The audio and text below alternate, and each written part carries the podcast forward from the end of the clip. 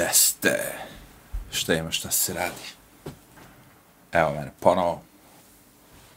Ovoga puta ću opušteno i lagano da pričam o svemu što mislim da treba da se priča. I radit ću šta god hoću. Zato što se nalazim u, da kažemo, okruženju gde mi je omogućeno obično je to ono u toplini doma zimi a leti je u hladnoći doma. Ne. Ovaj snimak koji gledate sam napravio ono kao da kažem nezavisno. A, jednostavno sam izbacio kameru kroz prozor i snimao ono kao čisto nešto se mrda da se drveće njiše pod udarima vetra. Kako bi ja mogao naknadno da a, snim neki audio koji god hoću, jer sam shvatio da ponekad ne možete napolju da snimate. Napolju mi je cool kad snimam video i audio, jer onda mogu i da posmatram ono što se dešava oko mene i da uputim po koji komentar ali može to iz kuće, ako imate snimljen video, uh, pošto ne snimam sebe, glupo mi je da snimam sebe dok pričam, nema tu šta se vidi. I uvek mi je bilo glupo, mislim, kapiram to, jeste neki format, ono, to većina ljudi koristi na internetu, da sami sebe snimate dok pričate, ali meni to dosadno. Zato što sam sam sebi dosadan vizualno šta, vidite me, to je isto kao da ste videli sliku, ako sad ja još otvaram usta, čemu je razlika, ono, kao, skapirao sam da je mnogo zanimljivije gledati, ono, kao, detalje iz prirode, detalje iz grada, šta god to bilo, drveće se njiše, automobili prolaze, ovo, ono, a, tako da, ono, kao, kapiram da mi je ovo format koji mi ono odgovara i onda mi je ako nemam mnogo smetnji lakše da pričam što i jest jest. A, htio sam da pričam o tome stvari koji moj glavni razlog zašto sam otišao iz Amerike. Neki od vas znaju, neki ne znaju da sam boravio u Njurku nekih mm, 16 godina. Pre toga sam živeo u Novom Sadu i ok, započeo sam neku firmu, kompaniju sa ortakom i ortak je, kad sam ja napustio to sve i rekao idem ja da probam u Americi, rekao što ideš ovo ono levo desno, ali ostao je tu gde imao je porodicu, ženu, decu, tako da je nastavio da radi to čim smo se bavili web dizajn, web sajtovi, sve to živo i onda je to sve uh, na kraju njemu urodilo plodom. Znači, dao sam mu neku putanju, kako bi rekao, s kojom treba da se kreće i mislio sam da će to sve da urodi plodom i na kraju je, Bogu hvala, urodilo plodom i čovjek je nastavio da se bavi time i uspešan je u tome i ne žali se, ima posla. E, I ja ću sad se truditi malo da mu pomažem u svemu tome, ali ipak sam ja, ide mi, dođe mi, čas sam tu, čas nisam. Čas! 16 godina baš nije čas, ali ne veze. Ali želim da vam kažem zašto sam ja nakon 16 godina u Njurku odlučio da se vratim vamo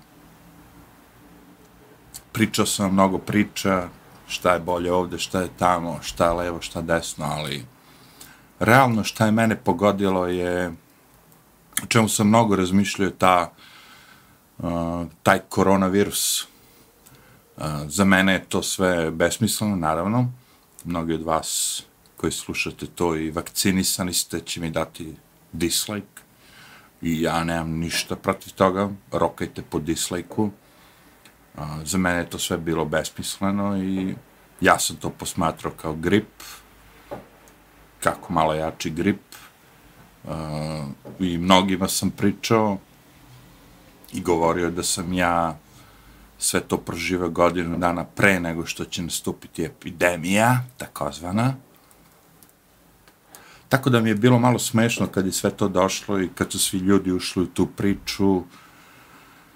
I ono kao, polagao sam neke, da kažem, verovao sam u to neko američko društvo kao, ovi ljudi su ovde, ne može ih svako zajebati, znaš, oni su malo prepredeni, sad kad im neko proda neku priču, ovo ono, neće svi moći tek tako lako da se upletu u sve to, ali zajebao sam se. Zajebao sam se. I onda gledajući sve te videe unazad, malo sam se ono, kako bi rekao, zabrinuo i posmatrao mnoge vide, krenući od dešavanja koje su se desila u Americi, takozvani 9-11, na neku moju sreću ili nesreću bio sam u Njujorku i kad se desio napad na Twin Towers, takozvane dve velike kule. I u to doba nisam ošte razmišljao o tome, verovao sam sve to što sam video na medijima, na CNN-u, BBC-u, svim svetskim medijima, desio se napad, šačica pa se odružila i oborila kule, roknula u Pentagon. Poverovao sam u sve to. U tom momentu sam ja bio u totalno drugoj priči, ono, kao, ja sam otišao u New York 2001. godine zato što su me izabrali za uh, Red Bull Music Academy, to vam je kao neka mala akademija od pola meseca, da kažemo, gde vi kao DJ, producent, elektronske muzike, dođete i pohađate neke kurseve, nešto se tu dešava vezano za elektronsku muziku. Ali, to je sve prošlo, ja sam uspeo se vratim nakon, da kažemo, svega toga u Srbiju i uopšte nisam pridavao pažnju svemu tome, jer sam tripovao, ok, to je sve kako kažu na medijima, to je sve kako nam pričaju. Uh, kad je CNN objavljivao da Saddam Hussein ima nuklearno oružje, ja sam im verovao, ono kao, zato što sam bio totalno u jednom drugom svetu, ono, svetu muzike, politika, istraživanja, YouTube, totalno nisam imao nikakve veze, nikakve veze s time i nisam uopšte polagao, nisam trošio vreme na to da, da kažemo, ovaj, nisam istraživao ništa sam. Ništa me nije zanimalo, sam sam htio da budem DJ, da puštam muziku, da narodu bude lepo, bla, bla, bla. Ali vreme je prošlo, ok, i konkurisao sam za green card, na kraju ga dobio, otišao u Ameriku sa ženom, oženio sam se isključivo zbog razloga da bi žena mogla da ide sa mnom, inače bi vjerojatno otišao sam, a, ne znam kako bi me put nosio da sam sam otišao, ali otišao sam sa ženom, imao sam neku drugu priču, sve jedno, nije bitno. Ali vremenom, istraživanjem, dokono doba, što kažu, spontao sam da taj YouTube postoji, počeo sam malo da se bavim YouTube-om, da istražujem, da gledam videe drugih ljudi, eh, uh, nekih stvari koje niste mogli da vidite, većinu toga niste mogli da vidite na, da kažemo, tim nekim korporativnim medijima, eh, objašnjenja zašto se desio 9-11, zašto su srušene dve kule, ko je sve učestvovao u tome. Mm. Vremena mi ta priča da su neki Arapi tako udružili se 15-20 njih, Sadam, ovaj, kako se zove, Bin Laden i sve živi, organizovali iz neke pećine, ono, kao da se sruše uh, neke velike američke institucije, da se udari u Pentagon. Kažem, sve to mi je bilo nekako... Uh, poverovao sam u sve to, gledajući sve te BBC-ove, CNN-ove i sve živo, ali, kažem, vremenom sam počeo malo i YouTube da gledam, u to doba YouTube je bio prilično mm, otvoren, liberalan, mogli ste da nađete razne videe, uh, Loose Chains, 9-11 mi je otvorio oči, postavljena su razna pitanja na koje nisu postali odgovori ili su odgovori bili sasvim drugačiji od onoga što smo bili mogli da vidimo na tim korporativnim medijama. Kad kažem korporativni mediji, znači mediji koje striktno kontroliše novac i ljudi koji imaju najveći broj nov, najviše novca. I da kažemo ono kao, vremenom sam shvatio da nije tako sve, nije zlato sve što sija, da kažem. I onda samim tim istraživanjem, čitanjem, gledanjem, ovo, ono, sam shvatio da ceo taj napad, optužnica da Saddam Hussein krije nuklearno oružje, ovo, ono, idemo u rat, razorit ćemo, ne znam, pola sveta, u fazonu, oni su nama roknuli Twin Towers, mi ćemo sad njima ovo, ovo, ono, shvatio sam da to sve, e, nema baš, ne pije vodu. Tako da sam dobio u jednom momentu, razuverio sam se, kako bi rekao, da ti glavni mediji, glavni igrači u celoj to priči, uh, ipak pričaju priču koja im je nametnuta od strane CIA, FBI-a, svega živoga, agencija u Americi koje kontrolišu medije, sve živo. U zadnje doba, gledajući ovaj Twitter, izveštaje, nakon što je Elon Musk preuzeo sve to, sam shvatio da je, su moja razmišljanja i mnogih drugih, naravno, od kojih sam ja pokupio, ta razmišljanja su bila tačna, da su mediji striktno kontrolisane od onih ljudi koji imaju najviše para, a ipak najviše para u Americi ima država, to jest svi mi porezki obveznici u Americi koji smo plaćali porez, sav taj novac išao u državu, onda su oni raspoređivali u svoj budžet, budžet za vojsku, budžet za ovo, budžet za ono i ako oni optuže da je Saddam Hussein imao nuklearno oružje, idemo da skrnjamo, da skrhamo Irak, Afganistan, koja god zemlja je na redu i mi smo bili jedna od njih, Jugoslavija, naravno, i nas sjebali.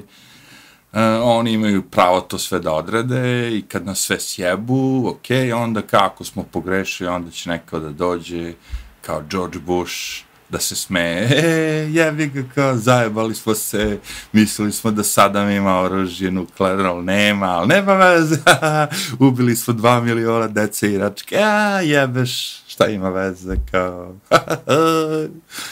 I onda sam jednom momentu razmišljeno, čekaj, šta je da je to bilo moje dete? A šta je da, da, da, da ste vi razjebali i uništili moju decu? Moje, moju državu, ono. I jesu, pošto ja dolazim iz Jugoslavije, ili tako, na kraju kraja Srbije. I on se shvatio, brate, ovo je polikurac za sve. Oni samo idu i rokaju, oni samo gledaju da uzmu svoje pare, oni samo gledaju da sebe navačare, a sve što se desi tom narodu, svim živima, naš, on, daleko od oči, daleko od srca, um, mi ćemo s našim medijima sve to da zatremo, ovo ono, Tako da, da skratim priču, a ugod je dugačak, Boga mi bio, skoro 15 minuta, ja sam izgubio verovanje u sve te medije. I onda sam rekao, hmm, od sada ne verujem nikom ništa. Ali bukvalno nikom ništa. I šta se desilo? Desilo se koronavirus. Desilo se to da oni svi ti koji su lagali sve ovo pre, svo ovo vreme su sve ovo slagali, sad dolaze i pričaju, ne, ali sad imamo stvarno virus. Možda smo zajebali za, za Afganistan, možda smo zajebali za Irak, možda smo zajebali za Srbiju, za Jugoslaviju, za sve to, ali koronavirus, e, to je kao, tu vas ne lažemo ali ja sam bio u fazonu već, ako me jedan put zajebeš, a Bog te ne kazni, uh, Bog kažnja samo mene, uh, samo tebe, razumeš. Ako me dva put zajebeš, a Bog te ne kazni, Bog kažnja i tebe i mene. A ako me tri put zajebeš, a Bog te ne kazni, on će kazniti samo mene. Ne znam da li se dobro izrazio, ali čuli ste možda za to već. Tako da sam bio u fazonu, a čekaj ovako, brate, sad nećete da me zajebete, ono kao, sad nećete da me zajebete. Ok, prva dva, tri dana sam ja nosio masku, bežao od ljudi, sve živo, koronavirus. Sve na osnovu jednog malog videa, rezolucije 320 piksela, 640 piksela, ne znam kako se to već sad formalizuje sve živo, ali na osnovu tog malog videa kako neki kinez u nekoj jebenoj Kini padne, oni su rekli, evo ga, ovaj je pa od koronavirusa, svi mi moramo se zaštitimo, najbali smo, izlaze američki stručnjaci, objašnjavaju nas kako ako se ne zaštitimo, svi ćemo da pomremo, engleski stručnjaci kažu, bit će 15 miliona mrtvih, bit će ovo, bit će ono, bukvalno strah, zastrašili su nas sve, i rekli, ako vi ne radite ovo što vam mi kažemo da morate da radite, vi ćete svi da umrete. I ja sam prvih, da kažem, 3-4 dana bio u toj priči i živeći u Njurku koji je na svim vestima ono, bio kao, da kažem, najgori od svih, najgori od sve dece, da kažemo, sam poverao u sve to. Međutim, pošto mi je posao bio takav da u fazonu treba da odem u neku zgradu u Njurku, da uzmem nekog psa i da ga prošetam. Uh, bilo ljudi koji nisu pobegli iz Njurka u tom momentu, koji su rekli, znam da je ovo sve opasno, levo, desno, da li ti dalje možeš da šetaš mog psa? Imao sam ih svog psa, naravno. Ja sam rekao, mogu. Ok, nosit ću masku, ne znam šta. Sklanjit ću se od ljudi na ulici, hodat ću po ulici, neću ulaziti u prodavnice, subway, to jest metro je već bio on skenjan, niko nije išao tamo, niko nije smeo da ide tamo. Sve to. Prilagodio sam se situaciju prvih 3, 4, 5, 6 dana. Mm. Na sreću sam pratio, kažem opet, neke youtubere koji su mi mesec dana pre nego što će se desiti ta cela priča s COVID-om rekli ej, slušajte, dolazi opasni virus iz Kine, može biti zajeban, može napasti ljude, možete umreti od toga, ne znamo koliko je to opasno, ali, ono, budite na oprezu. Pitanju je jedan od SARS virusa, vidjeli smo to prethodnih godina, država i ljudi, kad se to sve dešavalo prethodnih godina, nisu se odlučivali za takozvane lockdowns, za zaključivanje, za zatvaranje, za, da kažemo, isključenje škola, da deca ne idu u školu, nisu se opredelja, opredelili da se sve institucije zatvore, evo ono, znaš. I vremenom, kako je malo vreme odmicalo, kao, znaš šta, svi vi koji imate male prodavnice, male biznise, vi svi treba da budete zatvoreni, ali mi, veliki igrači, tipa, u Americi postoje ogromne lanci prodavnica, Walgreens, Walmart, ovo ono, mi bi trebali dalje da radimo, mi ćemo da napravimo da, da to bude safe za vas, bezbedno, stavit ćemo pleksiglase između vas i prodavaca, ovi što su na kasi, mi ćemo vas zaštititi ovo ono kao tog virusa. I onda sam ja, ne bilo mi teško, rekao, fuše, brate, daj da vidim ja kakav je to virus, o čem se to radi, znam da su virusi opasna pojava, sećao sam se filma Variola Vera, znaš, gde su ljudi morali da budu u skafanderima, ono, kao, totalno zaštićeni, bukvalno da imaju ono, kiseonik na leđima u bocama, da dišu svoj vazduh, da se ne mešaju sa drugima. Virus je opasna stvar, da se razum. Pravi virus je stvarno opasna stvar. Ne, ne, ne, ovde je plexiglas, okej. Okay. Ne moraš da nosiš masku, u početku nam je rekao doktor Fauci, posle toga, ej, nosite jednu masku, papirnu, hiruršku, nosite dve, nosite tri, može i šal. Šta god imate pre ruci, samo prekrijte lice, bit će vam okej. Okay. Znaš, malo mi je postalo sve, da, da vam kažem, ono, jako sumnjivo, jer koji se zajebavaju s nama. A, međutim, ja sam bio jedan od redkih koji je govorio i se zajebavaju s nama. Ja kad izađem na ulicu u Njurku, koji je bio uvek pun, uvek su bili ljudi na ulici, u bilo koje doba dana i noći, e, dešavalo se da bukvalno ja sam hodam Broadwayom i da budu samo panduri u onim, ono, da kažemo, e, civilnim modelima i ono, kao, pošto je bilo dve, tri prodavnice koji dalje rade, dakle oni odu i tamo kupe sebi cugu, šta god već hoćeš, ja prolazim pored njih, oni mene gledaju, ja njih gledam, naš, ono, kao u fazonu, vidi ovo budalo, oni verovatno misle na mene, jedan jedini na ulici, ali ja sam hodao tim ulicama sam. Nije bilo drugih ljudi, svi su bili prestrašeni kao dupeta. Ja srećam, sam imao taj YouTube, gdje su postojali neki određeni youtuberi koji su malo ozbiljnije pričali o svemu tome, koji nisu dozvolili da sve to tek tako ode da kažem ono, šta nam kažu mediji, CNN, BBC, ABC, NBC, sve se završava sa C na kraju. Ili počinje sa C. Ja sam shvatio, brate, ako su oni nas izjebali i roknuli Americi celoj da idu i da pobiju ceo taj američki, uh, af, uh, šta sam rekao, teo da kažem, irački narod, i da pobiju tu svu iračku decu zbog ikakvog razloga, jer nije postojalo nuklearno naoružanje kod Sadama Huseina, što nas ne bi sad zajebavali? Odakle nama taj proračun da će virus da pobije milijon ljudi? Od lika koji je rekao svi treba da nose engleski stručnjak, ili tako, sa nekog instituta u Engleskoj, koji je već više puta zajebao narod, ali i dalje mu verujemo, je li tako?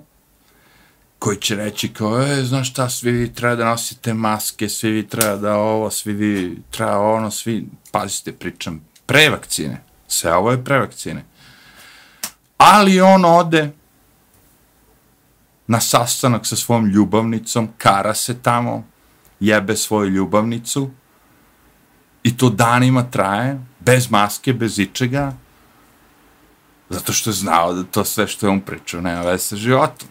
Idem ja da karam, jebe se meni, što sad bilion ljudi na planeti, ono kao je sa maskama i čuči kući i, i hiljade ono vlada i agencija i država drže svoj narod ono kao u apsu praktično. Idem ja da karam. Ja shvatim, brate, ovo ide da kara, a ja sedim kući zbog njega, jebate, bre prošli put je bilo idem ja da bombardujem irački narod, da ubijam decu, a ja sedim kući i mislim, evo to on radi ispravnu stvar. Tako da sam ono u jednom momentu shvatio, ej, brate, ko koga ovdje zjebao. Ali to sve, to sve. I dalje nije bilo mnogo kritično, kako bi rekao, šta sad u koji kurac nosiš tu jebenu krpu na licu, taj papir na licu, šta god ti već narede da radiš, ono kao, ajde, evo ti, izdržat ću sve zaradi posla, da zaradim neki dolar, dinar, šta god već. Ali u jednom po momentu su vam rekli, ej, brate, evo, smislili smo vakcinu, obično za vakcinu nam treba ono par godina da je smislimo, ali mi smo ovo, na, tehnologija napredovala, tehnologija MRA je sada tu, znaš, imamo testove koji će da utvrde da li vi imate virus ovo ono. Ne bilo mi teško da im ja zove da te testove, rekao. Odem ja, pronađem lika koji je, naravno, mrtav, koji je izmislio taj test i njegov intervju i kaže, ej, slušaj, kaže, ovaj test neće moći da nađe uh, tako kao što vi mislite taj virus, jer je cela fora multiplikacije, kao što više testirate, e, veće šanse da nađete nešto. I bukvalno je ono fora uveličavanja, ono kao. Jer oko nas postoje virusi, da se razumemo. I ceo naš život i milion godina unazad su postojali virusi i postojaće. I oni mutiraju. Oni mutiraju. I obično smo mi to zvali grip. Svake godine kad se pojavi grip, evo ga novi grip, vakcinišite se protiv gripa, manja šanse da budete skenjani, mnogi ljudi su to radili i uspevalo im je. Dobiješ vakcinu protiv gripa i ne dobiješ grip te godine i ti sledeće godine kažeš ja ću ponovo da idem, da uzmem tu vakcinu protiv gripa i to je sve okej. Okay. Ja nikad nisam bio antivakser, niti sam i dalje verujem u vakcine. Propisne, pravilne, one testirane vakcine. Ali kad ti testiraš vakcinu na devet pacova i onda meni daš, ja postoje malo sumnjičav. Želeo bi da testiraš barem na 9000 pacova. Devet pacova mi nije ništa. Znaš, ono, nas ima mnogo, mnogo miliona, biliona ljudi na planeti i na osnovu devet pacova da mi daš vakcinu, to mi nije baš ne hit. Druga stvar, pre ti trebalo godinu, dve, tri, pet da napraviš vakcinu, sad je praviš ono dok si rekao keks. Sve mi je to bilo malo sumnjičavo. Ali sam moj, da kažem, zaključak na kraju, ono, sve ono to, kad su oni rekli, ili ćeš da je dobiješ, ili gubiš sve beneficije. Ili ćeš da je dobiješ, ili, ne, i, ili nećeš moći nastupiš kao najbolji teniser sveta na četiri najveća svetska turnira na planeti, kao što je Novak Đoković. I pre nego što je Đoković rekao njim odjebite, i ja sam im rekao odjebite. I moj ceo trip je bio, ako oni mogu na osnovu svega ovoga što meni ne zvuči logično, racionalno, da zatvore narod, da zabrane škole, da deca ne idu u školu, da teraju ljude da se vakcinišu deca od šest godina, iako znamo da je ovaj virus, da kažemo, korona, to jest grip, najviše ubijao starije ljude koji su bili već podležni, imali neke, da kažemo, medicinske probleme, debeli, problemi srca, ovo ono. Onda sam shvatio, brate, oni mene, ako sad ovde zarobe pet godina, ja ću biti ovde zarobljen pet godina. I što se i desilo u Australiji, recimo, Kanadi, zemlje gde bi svi naši ovde Srbi otišli vrlo rado i rekli idem ja tamo, jebem se kurac za Mučića, tamo je bolji život, trava je zelenija tamo. I ja bi, i ja sam, bio sam u Njorku to doba grad je važio za najgore, za najviše ugrožene, umiralo je hiljade ljudi dnevno, sve živo, la la la. Ja sam bio tamo. Međutim, ne bilo mi teško, ne bilo mi teško, pošto sam bio, da kažem, mogao da hodam i ni, nisam se plašio svega toga. Ja sam odlazio na ta mesta gdje su oni govorili da su najugroženije. Odlazio sam ispred bolnica, čekajući da vidim te ambulante, kako dovoze korona pacijente, odlazio sam u centralni park gdje su oni digli šatre u kojima bi prijeli, prihvatali sve te korona pacijente, ljude koji umiru i nigde nisam naišao ni na što. Niti je bilo pacijenata u centralnom parku gde su bili ti lekari bez granica, niti su dolazile ambulanti sred bolnica u mojoj okolini, na kraju je ovaj ludak Trump doveo svoj brod, američku mornaricu koja ima najbolji, da kažem, medicinski e, kadar na jednom brodu. Niko od svih tih ljudi nadležnih u Njurku nije upućivao pacijente u bilo kojoj od tih institucija.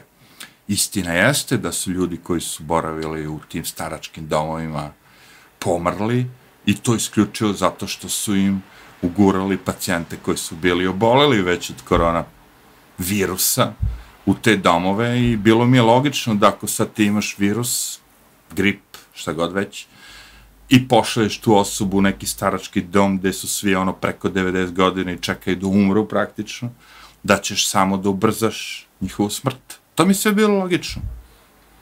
I to se i desilo. To se i desilo. Više ljudi starih je pomrlo u Njurku, u Italiji, ovde, onde, ali deca nisu umirala a terali su ih da nose sve te maske. I u Njurku i u Americi su ih terali da moraju da, na, da, da, da se vakcinišu i sve živo. To je sve meni bilo laž. Meni lično, pa ko sam ja? Jedan mali youtuber ili šta već, čovjek koji razmišlja svojom glavom, možda je ispravno, možda je neispravno, ali who cares? Zadržavam to sve za sebe, nikog nisam terao, niti mu govorio nemoj da se vakcinišeš, vakcinišiš se. To je tvoja lična stvar. Ali kad smo došli od toga da ili ćeš da se vakcinišeš, ili nećeš moći da jedeš u restoranu, ili nećeš moći da uđeš u prodavnicu, ili nećeš moći da radiš kao vatrogasac, ili nećeš moći da radiš kao medicinska sestra, hmm, da ne pričam o tome da nećeš moći da letiš avionom. Jer ja sam hteo da se vratim, već mi je bilo pun kurac svega i pre korone. Ali kad je došla korona, rekli su, moraš da se vakcinišeš da bi letao. Ja sam rekao, po cenu mog života, ja se neću vakcinisati. Ja verujem u vakcine, dobio sam mnogo vakcina u životu i nije mi frko toga, zato što su sve te vakcine bile prave vakcine.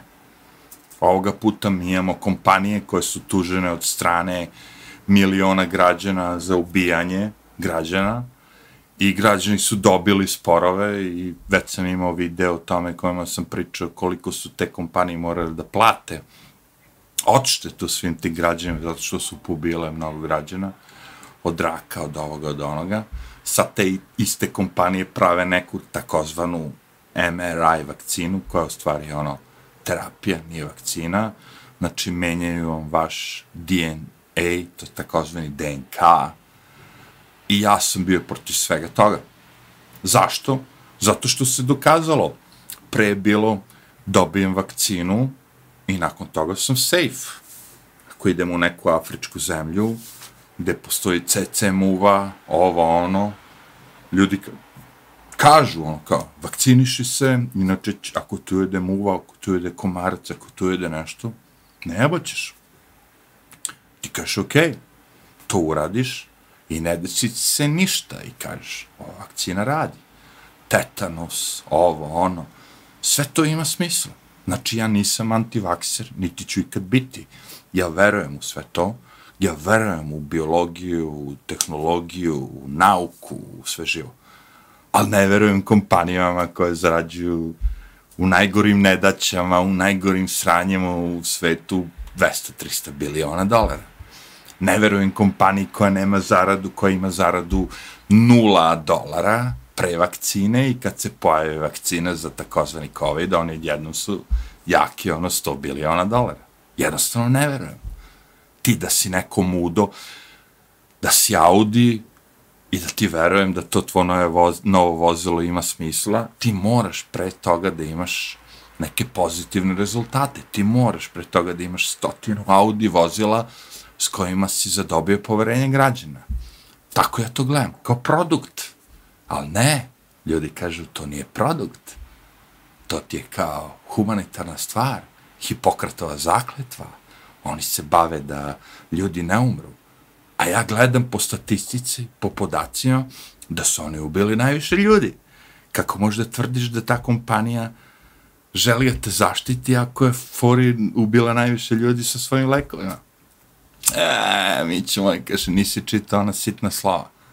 E, super. Cela priča je, ja nisam želeo da moje poverenje dam njima. To je produkt, to je proizvod.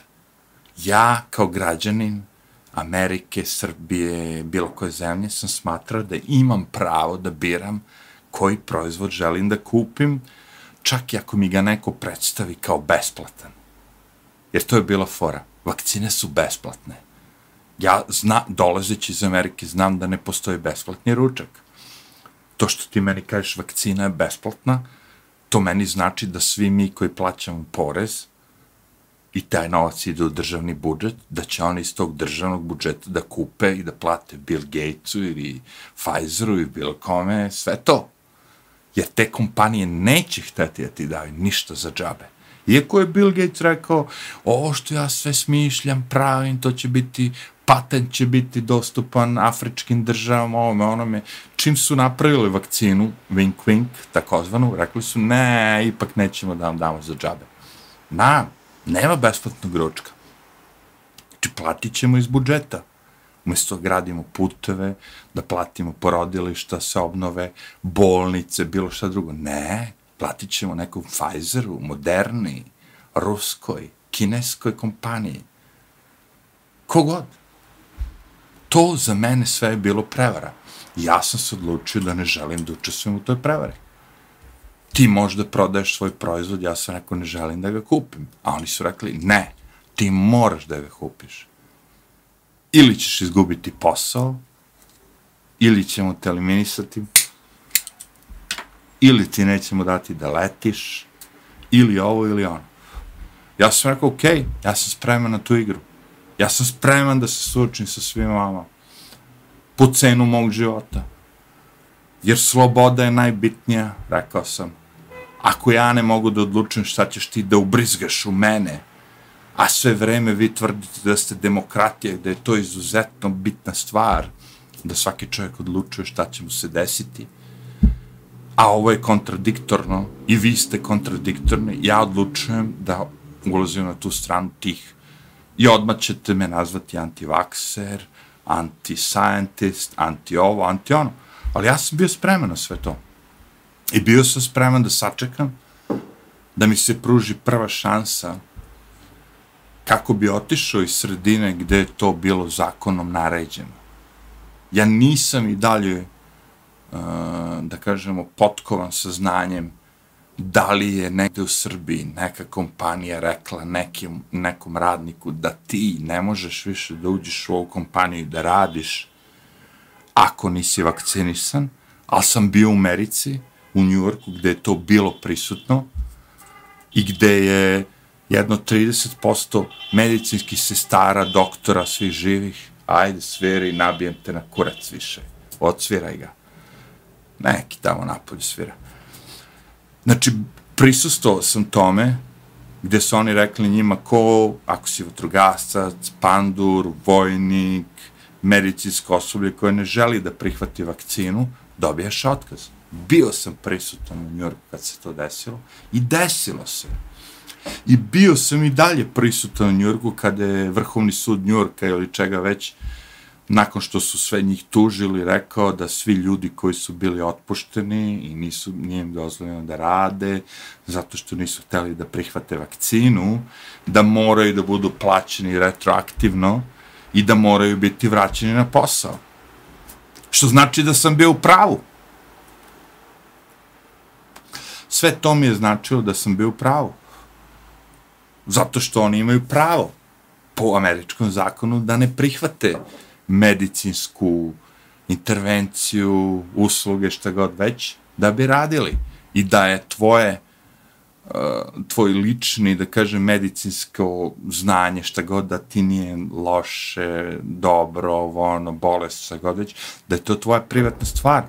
Da to kompanije i ljudi oko tebe ne treba da znaju.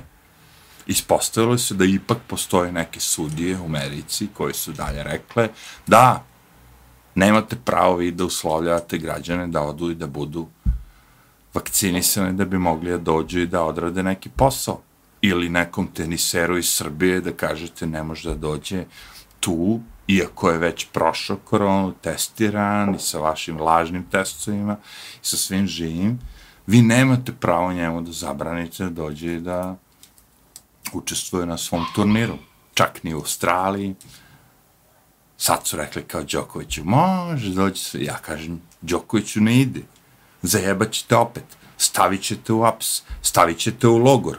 Oni su izgradili logore. Oni su svo ovo vreme, dok se sve to dešavalo, gradili logore. Gde će nas, koji nismo vakcinisani, koji smo antivakseri, protiv ovoga, protiv onoga, sve nas druge koji ne želimo da savijamo grbu, gde će nas staviti u aps? I kad sam ja shvatio da ja ladno mogu da završim u prdekani, samo zato što neću da prihvatim da mi neko nešto ubrizga u telo, opet kažem, bavio sam se poslom gde to nije bilo zahtev. Ali da sam radio kao vatrogasac, da sam radio kao, da kažem, medicinska sestra, morao bi to da uradim da bi zadržao posao u doba kad svi ti političari su uvek imali svoja primanja mesečno, redovno. Svi ti političari u celom svetu su primali svoje plate redovno za vreme cele te korone, fijaska svega živoga, a neki su se čak mega obogatili kao to što je taj Jeff Bezos koji je imao svoju kompaniju Amazon, znate za Amazon, gde su svi ljudi kad su shvatili da ne mogu više da idu u prodavnice, da su im prodavnice zatvorene, morali da naručuju online i dobijale sve online i svi ti što su bili poštari koji su dorosili sve to, a oni su okej, okay, njih virus neće napasti. Doživljavajući sve te absurde, kad odem u lokal, u Njurku su zabranili da unutra, u kafiću, u kafani, u restoranu možete da složite ljude, nego morate svi da napravite šatre, e, koje kakve, nemam pojma, ono, objekte napolju na ulicama, jer virus je unutra ubija ljude, a napolju ne ubija. Onda je bilo virus ubija do 10 sati, od 10 sati ne ubija, ne, obratno. Virus ubija do 10 sati, u 10 sati moraju svi da odu kući, šta god već. Sve te besmislene gluposti. Kad ja prolazim pored ljudi, deli nas ono ograda visine metar, i on, ja sad prolazim bez maske pored njih, a oni su u restoranu i moraju da nose masku sve dok momenta dok nestaje zalogaj a, hrane u sebe i kad stave zalogaj hrane u sebe, onda opet vraćaju masku ili da bi ušli i seli u restoran, morate da nosite masku, ali kad sednete možete da je skinete. Sve te besmislene stvari koje su došle nakon svega toga. To je meni bilo već ono tako svirepo I shvatio sam, a koji ljudi ovde svi mogu da budu do te mere zaglupljeni, da im sve ovo prodaju i da im sve ovo rade i da se oni ne bune, to znači da oni mogu biti zatvoreni u logore dok si rekao keks i bit će radosni što su u logorima. Biće radosni kao država me spasla od virusa. Tako da, pošto ova priča će biti izgleda sat vremena, ne veze, uh, ću završiti sa time da kad sam ja otešao iz Njorka, jedno 30% građana su nosili maske, iako im je država rekla ne morate više. Kad sam došao u Srbiju, nisam nikog našao da nosi masku, svi su rekli odjavite više. I shvatio sam, a donao sam po, uh, ispravnu odluku. Otešao sam iz jedne autorativ, auto, ono, kako se kaže, naci države, da se najbolje izražim, u neku koja je manje naci. Ja znam da ovde postoje ogromni problemi, mučići, svi žiri, ovo ono. Ali verujte mi, da ovde narod toliko puta zajeban, kroz sve ove ratove, govna, Kosovo, Mučića, ovoga, onoga, DSS, SPS, Kurac S, sve živo, da je toliko puta zajeban i prevaren, da su već provalili tu državu i šta može da im radi i država je provalila do koje mere može da ide da jebe narod. I moj lični stav je da američka država može da jebe narod 90% i da narod trpi, a srpska država može da jebe narod 70% i da narod trpi. I moj stav je lični statistika. Ako tražim u, u zemlji gde će neko da me jebe 90%, ili u nekoj gde će neko da me jebe 70%. Radije ću da živim u ovoj zemlji koja je, znaš, ono, gde me jebu 70%. To je moj lični stav. Ja sam to izabrao. Verujem da većina ljudi koji žive negde tamo i dalje u inostranstvu, naših stranaca, amerikanaca, danaca, australijanaca, ono, sve to, oni svi nemaju izbor kao ja. Ja mogu da se vratim. Ja sam mogu da se vratim. Sad ti meni reci, otišao si na žurku, nije ti se svidala, i kažeš, boli me kurac, idem kući. To je skroz drugačije nego kad ti imaš nekog koja kaže, otišao sam na žurku, ne sviđa mi se, ali nemam gde da odem sad. Moram da ostanem na ovoj žurci. Ali ja ne moram tome razlike između mene i drugih. Ne samo mene, naravno, nisam ja neki pojedinac super, ovo, ono, pametan. Ima mnogo nas koji su rekli, fuck this, jebeš ovo. Neki su možda i povukli svoje hiljade, hiljade dolara što su nahrčkarili. Ja nisam. Ja sam dosta toga izgubio za vreme korone. Jer plaćajući stan dok ne možete da radite, stan je 2,5 dolara, godišnje vam je to 30.000 dolara, dve godine da ne radite ništa, to vam je 6.000 dolara, možete da ukapirate koliko sam ja izgubio za vreme korone. I sad da mi neko kaže, e, znaš šta, dolazi novi virus, mi smo razmišljali, mi ćemo sad vas opet da zatvorimo, ili kao u Australiji da vas bace u logore, ili kao u Kanadi, ako ste kamionđi, pobunite se, kaže, vi ste državni neprijatelj. Zamislite ti, Mučić dođe sad i kaže, ti si državni neprijatelj. Ne možeš da dobiješ penziju, ne možeš da dobiješ ništa od ovih stvari, bolestan si, ne možeš da ideš u bolnicu, jer ti si državni neprijatelj. Nije to baš nešto, o, kako bi rekao, ono. Zato kažem, ovde se ne radi o tome, znaš, ka, digo mu se kurac i te for, ovde se radi, hoću li ja da budem 90% zarobljen, ili 70% zarobljen, ili kao u Kini 100% zarobljen. Kažu ljudi, ovi kinezi što dođe s Kine, njima ovde super, oni svi sreći zalju. Pa kako ne bi bio? Pobegao si bre iz zemlje gde ono, bukvalno kad im se digne kurac u Kini, mogu te zatvore, zavare ti vrata, bre od, tvog, od tvoje zgrade, da ne možeš da izlaziš. To što ti preko balkona daju hranu, to ti je, brate. Zavare ti vrata, varioc dođe. On dobije platu, varioc uvijek dobije platu. Zavare ti vrata, ne daju ti. I ti je ono kao razmišljaš kao sloboda.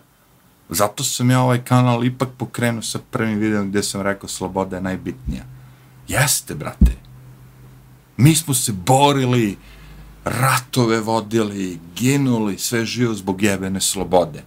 I sad ja da dođem i da tek tako se kao oprostim u te slobode i kaže, ej, čuti, zdrži malo, znaš, ipak je ovo, kao, na, ipak je ovo Amerika, čuti, ako prođe sve. Neće proći sve. U Kanadi se pokazalo, u Australiji se pokazalo, u Kini se pokazalo. Sve to dolazi svima nama.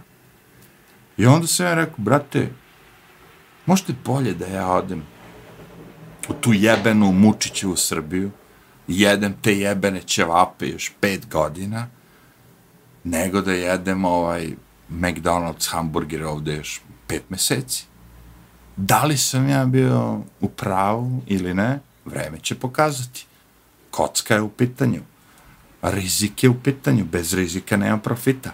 Ali ja sam bio, da kažemo, ono, kao spreman da rizikujem. Mnogi ljudi nisu spremni, ja ih razumem. Ako si kupio kuću i plaćaš već 20 godina u Americi kredit za tu kuću i ostalo ti još 5 godina, lupam sad da kuća bude tvoja, bez obzira na koronu ili ne, ti ćeš reći, ej, brate, ipak ću ja ovdje ostati, ovo moja kuća vredi 2 miliona dolara, znaš, ako izdržim još 5 godina, možda ću moći da prodam tu kuću za 2,5 miliona dolara i da se vratim u Srbiju ili da odem na Bahame ili ovo. Svaka čast, svaka čast. Ja nisam bio u toj prilici. Da li je to dobro ili loše, nemam pojma. Rizik stvara kapital, što kažu. A mislim da je najveći kapital od svega, da završimo ovu priču, ipak da ja mogu da odem u Smederevo, Beograd, Novi Sad, da sednem s mojim prijateljima, ortacima, rodbinom, šta god da je u pitanju, da pričam tri sata. Jer ja sam shvatio, pričajući sa mojim prijateljima, rodbinom, rađacima, tri sata, u Srbiji, u Novom Sadu, u Beogradu, u Smederevu, u Paraćinu, u Vršcu, u Subotici, gde god hoćeš, nazovi kako god hoćeš, da je to meni bilo iskustvo mnogo jače nego provesti 16 godina u Njorku, gde nisam mogao da pričam sa nekom osobom tako. Možda sam ja bio jedan od tih kome nije što kaže, bratu ide od ruke, a meni nije šlo od ruke. Who cares? Koga boli kurac? Cela pojenta šta ja osjećam. Znaš koliko mene boli kurac što će mene neko kaže, e, vrate, ti si otišao u New York i ne znam šta, pravo si šest gada i puko si. Super, brate, ali dalje mogu da pričam s tobom, da se zajebam. Kapiraš? Ja ću da umrem za 30 godina. Neće mi biti. Biće moj grob tu. Ja hoću da vidim koji je moj kvalitet života. Ako sam se zajebao 65 godina i živeo 10 godina do jaja, meni opet do jaja. Meni opet do jaja. To je cela poenta priče. E sad, neki od vas će to ukapirati, neki ne. Zato je ovaj video tu.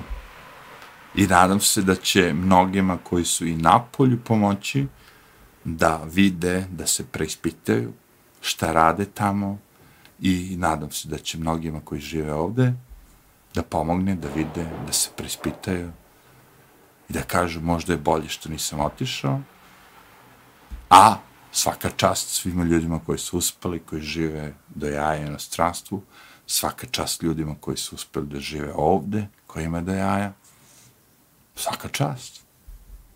Ali ja sam morao da ispričam celo ovu priču. To je bilo to. Arrivederci.